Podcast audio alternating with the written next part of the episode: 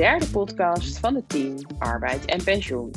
Dit keer spreek ik met mijn collega Ali Abdullahi Nehat, privacy-expert binnen ons kantoor. Ali, van harte welkom. Ah, goedemorgen, Kara. Leuk om deze podcast uh, zo samen op te nemen. Zeker. Uh, we gaan het vandaag hebben over uh, sneltesten en zelftesten.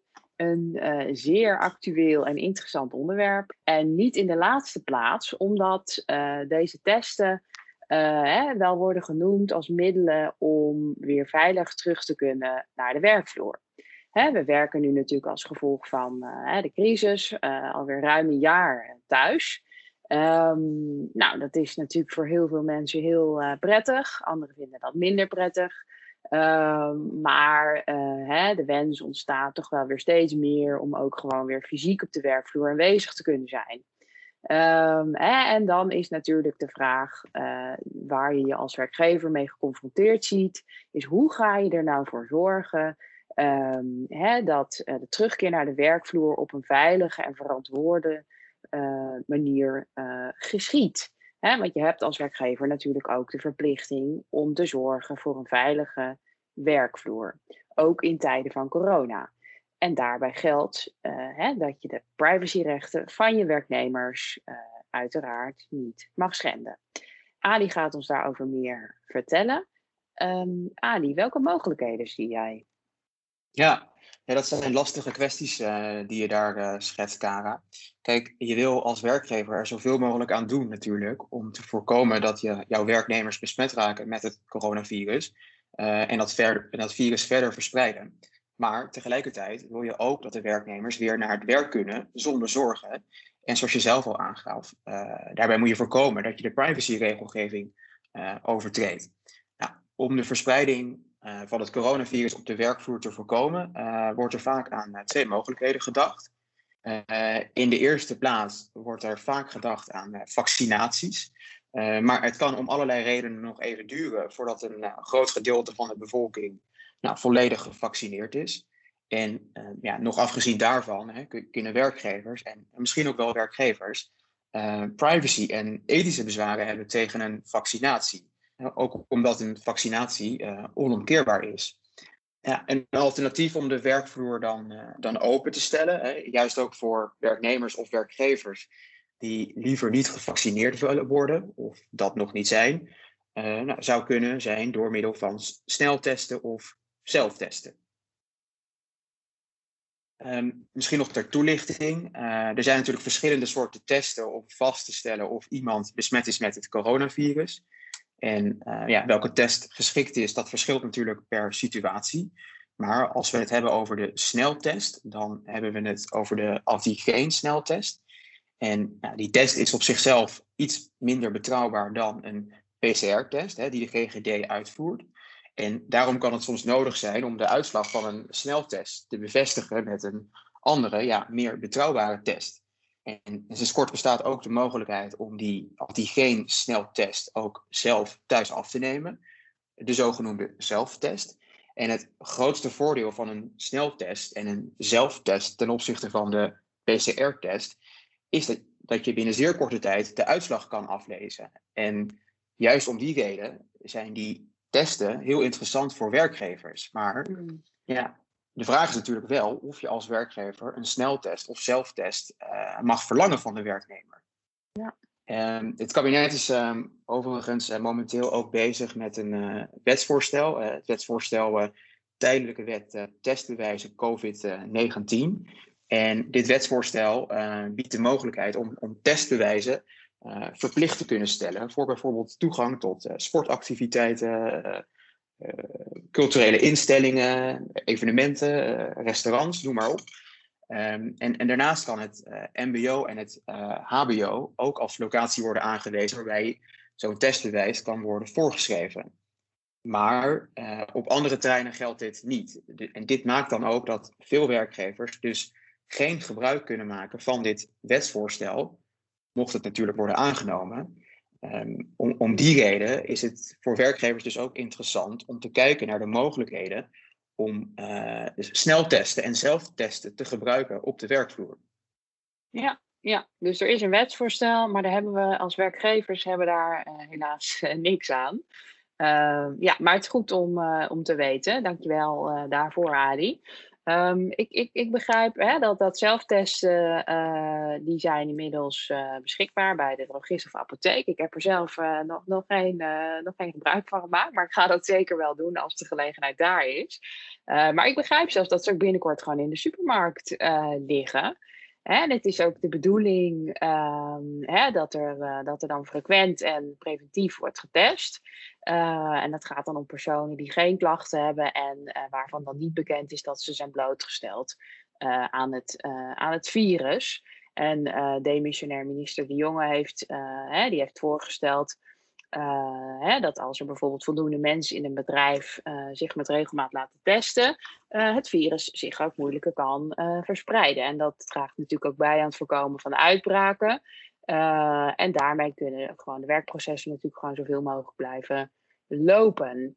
Um, ja, Ali, tegen deze achtergrond, hè, dat roept natuurlijk wel de vraag op of je als werkgever je werknemers uh, kunt opleggen om zo'n sneltest te laten doen. Eventueel in de vorm van een zelftest. Um, zou jij ons wat meer daarover kunnen vertellen? Ja, kijk, ja, in, in de eerste plaats zal je moeten kijken of je dus inderdaad uh, als, als werkgever je werknemer kan verplichten om een coronatest uh, te doen of, of te laten doen. Uh, nou, om maar gelijk met de deur in huis te vallen. Het antwoord daarop is nee. ja, dat mag in principe niet. Uh, omdat dit in strijd is met het uh, recht op de lichamelijke integriteit van de werknemer. Uh, wel zou je uh, als werkgever de werknemer de mogelijkheid kunnen bieden om op nou vrijwillige en vrijblijvende basis een coronatest te ondergaan.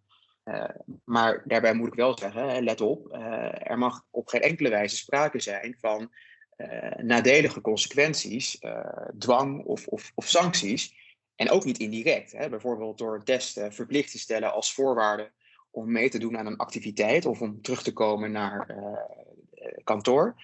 Um, en het zal dus lastig zijn in de praktijk om, om aan te tonen of die test nou ja, echt daadwerkelijk zo vrijwillig en vrijblijvend is, als dat die door de werkgever wordt aangeboden aan de werknemer. Ja, helder. Daarnaast heb je natuurlijk ook nog de privacyregelgeving uh, waar je rekening mee moet houden. Hè? Uh, als je het hebt over de uitslag van de coronatest van een specifieke werknemer, uh, dan heb je het over een gezondheidsgegeven. En ook heb je te maken met genetische gegevens door het gebruik van het wattenstaafje als, als testmateriaal. En op basis van de AVG, de Algemene Verordening Gegevensbescherming, kwalificeren zowel gezondheidsgegevens als genetische gegevens als bijzondere persoonsgegevens. En de vuistregel is dat het verboden is om bijzondere persoonsgegevens te verwerken, tenzij de werkgever zich kan beroepen op een uh, uitzonderingsgrond uit de AVG en de UAVG. En dat is de Nederlandse uh, implementatie, de, de Nederlandse uitvoeringswet van de AVG. Ja, ja nee, heel helder, Ali. Um, in de praktijk krijgen we heel vaak de vraag uh, van onze cliënten, werkgevers Hè, waarom het eigenlijk zelfs met toestemming van uh, de werknemer niet mogelijk is om zijn uitslag te verwerken. Um, mm. Is dat zo? En kun je dat uitleggen? Ja, dus eigenlijk de, de vraag is dan meer wat de gedachte daarachter is. Hè? Um, ja, kijk, toestemming, of, of, of, of beter gezegd, uh, de uitdrukkelijke toestemming zoals die is bedoeld in de AVG, is uh, een van de uitzonderingen die je hebt op het verwerkingsverbod van bijzondere persoonsgegevens. En om die reden begrijp ik ook goed dat werkgevers zich dan ook afvragen of zij niet de testuitslag van de werknemers kunnen verwerken als zij uh, toestemming van, hun hebben, uh, van hen hebben gekregen. Nou, toch is het niet zo eenvoudig als dat men denkt, omdat een voorwaarde voor het verkrijgen van een geldige toestemming is dat een werknemer die toestemming ook vrijelijk moet kunnen geven en daarmee ook moet kunnen weigeren. En in een arbeidsrelatie tussen werkgever enerzijds en werknemer. Anderzijds is het geven van een vrije toestemming lastig, omdat je in een arbeidsrelatie te maken hebt met een hiërarchische relatie tussen de werkgever en de werknemer, waardoor er wordt verondersteld dat die werknemer niet in vrijheid zijn toestemming kan geven of weigeren, zonder dat dit dan weer nadelige gevolgen met zich brengt uh, voor de werknemer. En, en, en, misschien nog wel ter, ter achtergrond, uh, Kara. Meestal uh, is er geen sprake van een hiërarchische relatie zoals ik beschreef. Uh, bij een, een, een, een, bezoek aan een restaurant, een, theater of een evenement. Hè? En, en, dus wordt er verondersteld dat je in die gevallen wel bijzondere persoonsgegevens mag verwerken met de uitdrukkelijke toestemming van hè, de, bezoeker. Uh, in dat geval. Maar ook denk ik dat je in deze situaties je kunt afvragen of die toestemming wel vrijelijk kan worden gegeven als jouw bezoek kan worden geweigerd bij het niet meewerken aan zo'n coronatest. Wat, wat veel werkgevers uh, ook nog wel uh, lijken te vergeten, is dat die toestemming eigenlijk ook niet een uh, effectieve uitzonderingsgrondslag voor de verwerking is, om een andere reden. Op het moment dat de werknemer een toestemming heeft gegeven, zou hij of zij die toestemming ook weer altijd mogen intrekken. En dat betekent dat de werkgever de verwerking van die persoonsgegevens direct moet stopzetten. Nou, in de praktijk is dat natuurlijk ook geen wenselijke situatie voor de werkgever. En, en ook om die reden is dus die toestemming niet altijd geschikt voor het verwerken van persoonsgegevens in de arbeidsrelatie. Ja, ja nee, oké, ik, ik begrijp het. Dat, dat klinkt op zich ook wel uh, logisch. En ja, de vraag is dan, die ik dan vaak van, hè, helpt het dan nog als ik mijn werknemer expliciet uh, vermeld? Hè, dat het verwerken van zo'n uitslag dat dat helemaal niet tot nadelige consequenties zal leiden. En dat het gewoon puur vrijwillig is. -hmm. Ja, nee, nee, die nuance maakt dat eigenlijk niet anders. Hè. Uh, mogelijk kan een werknemer in een arbeidsrelatie ook indirect uh, druk ervaren vanuit zijn leidinggevende of naast de collega's bijvoorbeeld. Uh, om alsnog die toestemming te geven uh, voor de verwerking van zijn of haar testuitslag. Ja, ja, ja. Nee, dat is natuurlijk waar. Ja. Um, iets anders is hè, dat, dat ik ook wel van werkgevers hoor dat, dat zij vinden dat zo'n sneltest toch wel echt een noodzakelijke voorwaarde is om de besmetting en, en ook de verspreiding van het virus op de werkvloer te voorkomen. Uh, en, en doet die noodzakelijkheid, doet die hier nog iets? Ja, kijk, of het doen van een uh, sneltest echt noodzakelijk is om de verspreiding van het uh, coronavirus op de werkvloer te voorkomen, ja, dat verschilt natuurlijk wel per situatie. Hè. De, de ene organisatie is de andere niet. Een, een, een veilige werkvloer nastreven kan een werkgever niet alleen doen door het laten uitvoeren van sneltesten bij werknemers, maar vooral ook door de nou adviezen en richtlijnen van de Rijksoverheid op te volgen en deze zo goed als mogelijk te faciliteren. Uh, bijvoorbeeld door werknemers vanuit huis te laten werken, waar dat natuurlijk mogelijk is. Of door die bedrijfsprocessen uh, zodanig in te richten dat er voldoende afstand kan worden gehouden tussen de werknemers.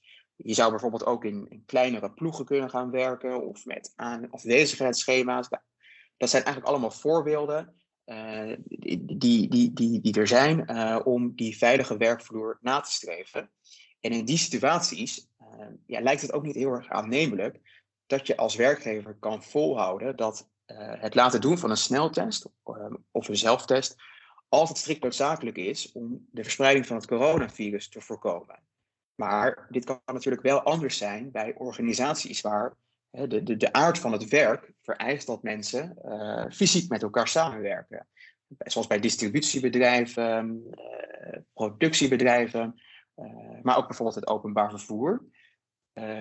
Maar zo denk ik, er moet niet uit het oog worden verloren dat een sneltest, die, die veelal natuurlijk ook al minder accuraat is dan een PCR-test die de GGD gebruikt, dat zo'n sneltest eigenlijk altijd een momentopname is. Hè, wanneer je als werkgever te veel of te snel gebruik gaat maken van sneltesten en de andere coronamaatregelen niet of, of minder goed naleeft, ja, dan kan er een situatie ontstaan van uh, schijnveiligheid op de werkvloer. Dat is mm, natuurlijk ook iets wat je wil voorkomen. Ja. En ja, dat noodzakelijkheidscriterium uh, is, is overigens ook een van de uh, algemene beginselen hè, uit de AVG, waar het inhoudt dat je persoonsgegevens alleen mag verwerken, nou, voor, zover dat noodzakelijk is voor het doeleinde ervan. in dit geval gaat het dan om de voorkoming en verspreiding van het coronavirus op de werkvloer.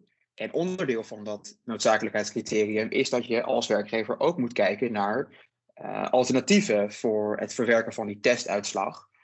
om te beoordelen of die verwerking noodzakelijk is. En zelfs eigenlijk als je die, die noodzakelijkheid wel kan, kan hardmaken, dan moet je nog wel een grondslag hebben uit de AVG en een uitzonderingsgrond uit de UAVG om die testuitslag van een werknemer te mogen verwerken. Ja, helder. Verwerking van testuitslagen in ieder geval hè, problematisch, hoor ik.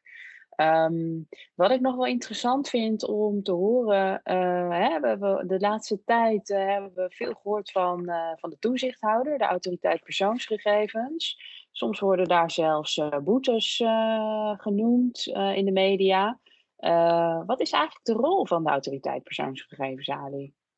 Ja, ja, de autoriteit persoonsgegevens, de, de AP, ehm, is de Nederlandse privacy toezichthouder die toezicht houdt op de naleving van de regels voor de bescherming van, van persoonsgegevens. Uh, nou, en onder toezicht vallen eigenlijk diverse activiteiten. denk bijvoorbeeld aan het doen van onderzoek naar mogelijke overtredingen. Nou, dat is iets wat de AP kan doen op basis van klachten die zij ontvangt. maar ook ambtshalve kan doen, dus op eigen initiatief. En als de AP dan nou ja, tijdens zo'n onderzoek een overtreding constateert, dan uh, nou, kan de AP besluiten om uh, handhavend op te treden. Door bijvoorbeeld een, eh, een boete of een last onder dwangsom op te leggen. En ja, naast die toezichthoudende taken die ik beschreef, geeft de AP ook advies en, en, en voorlichting over privacyregelgeving aan, aan individuen, maar ook aan organisaties. Dat doet de AP bijvoorbeeld via de website of door het opstellen van, nou, van beleidsregels. Ja, ja, dus die autoriteit die heeft eigenlijk best wel vergaande bevoegdheden. Hè? Uh, als er dus sprake is van een overtreding van de privacyregelgeving, ook ten opzichte van werkgevers. Maar zijn er nou eigenlijk mogelijkheden hè, voor werkgevers om buiten het bereik van de AVG te blijven? En daarmee dus ook uit het zicht van de autoriteit? Ja, ja goede vraag. Kijk, die, die verwerking van de testuitslag, hè, dat is uh, op grond van de AVG dus, dus niet, niet mogelijk. Um, nou, dan zou je kunnen kijken of je als werkgever misschien uh, buiten het toepassingsbereik van de AVG kan blijven. Nou, de, autoriteit persoonsgegevens, de AP, stelt uh, op haar website dat als de uitslag van een sneltest alleen wordt afgelezen en, en niet wordt opgeslagen of geregistreerd in een bestand, zoals bijvoorbeeld in een Word- of Excel-bestand, dat de AVG dan niet van toepassing is. Daarbij geldt wel nog de voorwaarde dat de verwerking van die testuitslag geen geautomatiseerd gevolg mag hebben. Um, dan moet je bijvoorbeeld denken aan poortjes die automatisch openen of een stoplicht dat automatisch op groen gaat als de uitslag van een sneltest uh, negatief is. Als je alleen aan deze voorwaarden uh, voldoet, dan is de AVG niet van toepassing en valt het afnemen van sneltesten niet onder het toezicht van de AP. Wat ik wel erbij moet eh, zeggen, is dat in de praktijk zal het wel lastig zijn voor werkgevers om uh, met, met inachtneming van deze voorwaarden op buiten het toepassingsbereik van de AVG te blijven, omdat een testresultaat meestal zou worden gekoppeld aan een, aan een bepaalde verwerking. Hè, bijvoorbeeld een ziekmelding of een afwezigheidsmelding op het moment dat iemand positief test. En, en daarmee kan er toch weer sprake zijn van het verwerken van persoonsgegevens, waardoor je als werkgever alsnog dient te voldoen aan nou, de vereisten en de beginselen van de AVG. Ja, helder. Ja, en en uh, je stelde de vraag van, um, uh, is het mogelijk om uh, buiten het toepassingsbereik van de AVG te blijven? Nou, dat zou, dat, dat zou dan eventueel kunnen. Maar, maar zelfs um, als iets niet onder de AVG valt, hè, betekent dat niet automatisch dat er ook geen privacybezwaren kunnen zijn. Want uh, wanneer je als werkgever een sneltest laat afnemen bij je werknemers, kan je toch een onrechtmatige inbreuk maken op een grondrecht van een werknemer. Bijvoorbeeld uh, het grondrecht op de bescherming van de persoonlijke levenssfeer. En eerder noemde ik ook al uh, het recht op de lichamelijke integriteit. En, en afhankelijk eigenlijk van hoe je het als werkgever inricht, kan het enkel uitvoeren van een sneltest ook onrechtmatig zijn. Dus, dus nog afgezien van de vraag of de werkgever de AVG overtreedt of niet. Ja, ja, dus het is ook belangrijk om verder te kijken dan de AVG, ja, begrijp ik. Um, zou je misschien tegen deze achtergrond uh, ook nog kunnen uitleggen uh, hè, hoe werkgevers uh, sneltesten of zelftesten zouden kunnen vormgeven?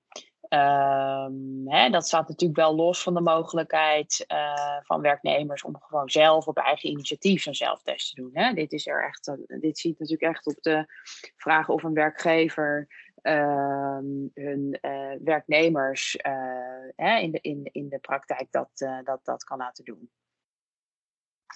Ja, dus, dus eigenlijk hè, die mogelijkheid die je, die je benoemde is, hè, iedereen kan op eigen initiatief, hè, iedereen, dus ook werknemers kunnen op eigen initiatief hè, van tijd tot tijd een, een zelftest uh, doen. Uh, maar dan is je vraag eigenlijk erbij van, hè, als de werkgever daar dan een rol bij wil spelen, hoe zouden ze dat in de praktijk uh, kunnen vormgeven? Ja, ja. ja, ja, daar zijn mogelijkheden voor, maar dat zal wel echt zorgvuldig moeten gebeuren. Kijk, uh, eerder gaf je zelf ook aan dat het gebruik van sneltesten en, en, en, en zelftesten uh, preventief is bedoeld. Dus op het moment dat je als werknemer uh, geen corona-gerelateerde klachten hebt, want heb je die klachten immers wel, dan zou je conform de overheidsrichtlijnen een testafspraak moeten maken bij de GGD. En, en dan wordt het gebruik van sneltesten en zelftesten ook afgeraden. Uh, er wordt als het ware dan een soort beroep gedaan op uh, de eigen verantwoordelijkheid van de werknemer op dat moment. Als je het hebt over preventief testen, dus testen zonder klachten, heb je eigenlijk nou, twee opties in de praktijk. Uh, de eerste optie is dat je een, een testfaciliteit uh, inricht, een teststraat op een externe locatie, voor het laten uitvoeren van sneltesten door een derde partij. En een tweede optie zou kunnen zijn dat je als werkgever uh, zelftesten beschikbaar gaat stellen aan je werknemers. Laten we bij de eerste optie dan beginnen. De, eerste optie, het, het, inrichten van die testfaciliteit, die teststraat. Uh, dan uh, schakel je een derde partij in die op een externe locatie die test gaat, gaat afnemen. Dat moet wel gebeuren onder toezicht van een zogenoemde BIG geregistreerde arts of, of arbodienst. Het moet duidelijk zijn dat de werkgever zelf niet die test mag gaan uitvoeren bij de werknemer. Wel zou je nog als werkgever kunnen besluiten om de testfaciliteit, hè, om bijvoorbeeld de efficiëntieredenen, die in te richten samen met andere werkgevers in de buurt.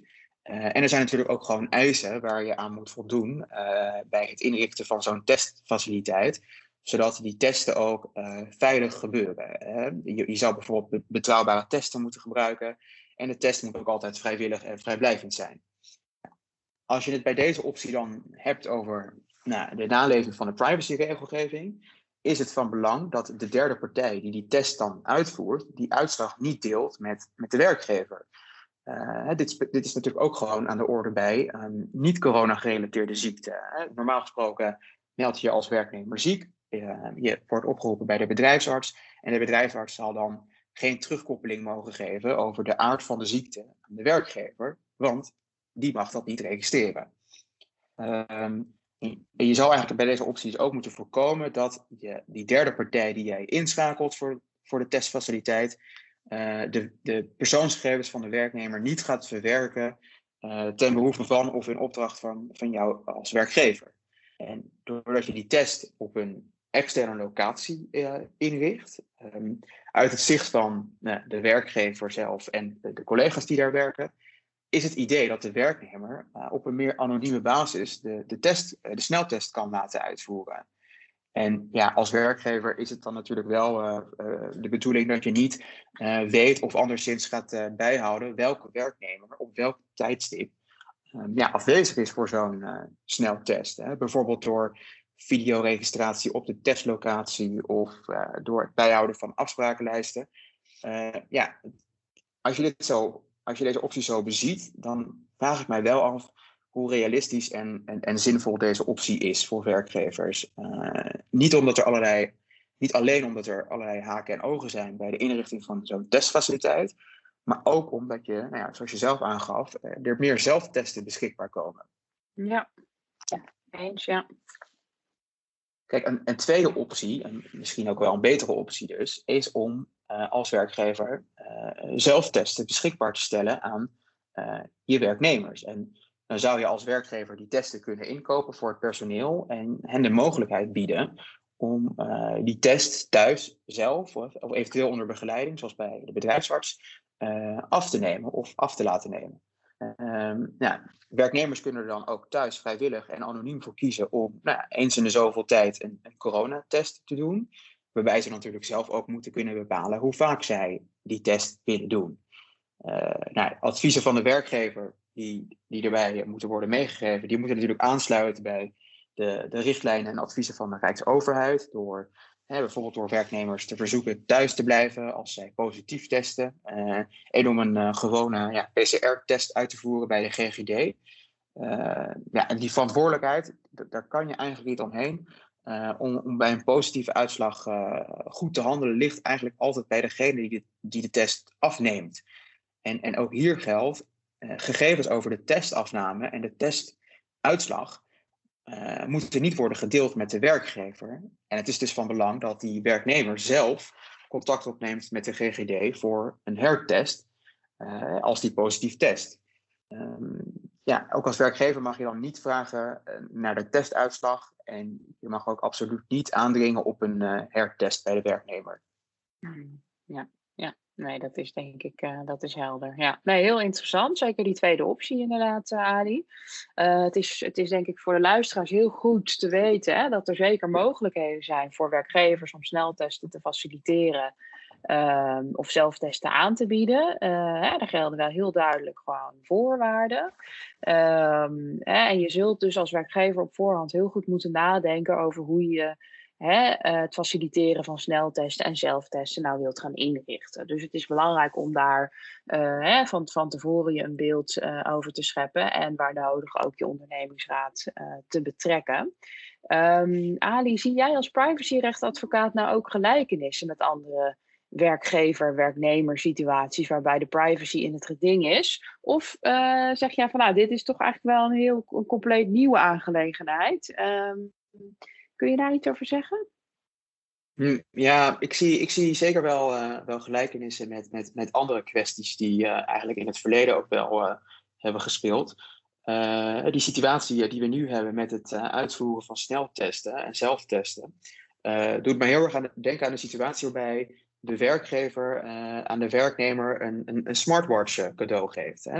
Uh, nou, met een smartwatch kan je gezondheidsgegevens van, van werknemers verwerken. denk aan nou ja, je hartslag, de hoeveelheid beweging die je hebt op een dag, je slaappatroon, nou, noem maar op. kijk, een werkgever mag zo'n smartwatch natuurlijk wel cadeau geven. En het is ook voor de werknemer natuurlijk leuk om hem te krijgen. Maar het is niet de bedoeling om vervolgens aan de hand daarvan die gegevens over de gezondheid van de werknemer um, ja, in te zien of, of te gaan verwerken. En ook niet via nou, de leverancier die die uh, smartwatch uh, aanbiedt. En, en, ook niet als de werknemer daar toestemming voor geeft. Ehm, in het verleden heeft de AP ook al organisaties hiervoor op de vingers getikt. En bij een coronasneltest is het in feite niet anders. Kijk, een werkgever mag faciliteren dat een werknemer periodiek een coronasneltest ondergaat. Of hè, die mag een zelftest uh, aanbieden uh, aan, aan de werknemers. Maar het is dan niet de bedoeling om die gegevens over de gezondheid uh, van de werknemer te gaan verwerken. En ook niet als die werknemer dus daar toestemming voor geeft. En, en in zoverre zie ik dus wel gelijkenissen met de situatie die we nu aan de hand hebben. Met het laten uitvoeren van sneltesten en, en zelftesten. Ja, ja nee, heel goed om, uh, om ook die parallel nog even te, te begrijpen. Um, Ali, uh, dank je wel voor je uh, ontzettend heldere en praktische ook uitleg. Ik wil de luisteraar uh, hartelijk bedanken uh, voor de tijd die hiervoor genomen is. Um, mochten er naar aanleiding hiervan vragen zijn, dan vernemen Ali of ik dat natuurlijk uh, heel graag. We hopen u te mogen verwelkomen bij de volgende podcast van het team Arbeid en Pensioen. En wij zullen u via de kennisbank op onze website van doorne.com verder op de hoogte houden over de actualiteiten aangaande dit Thank you.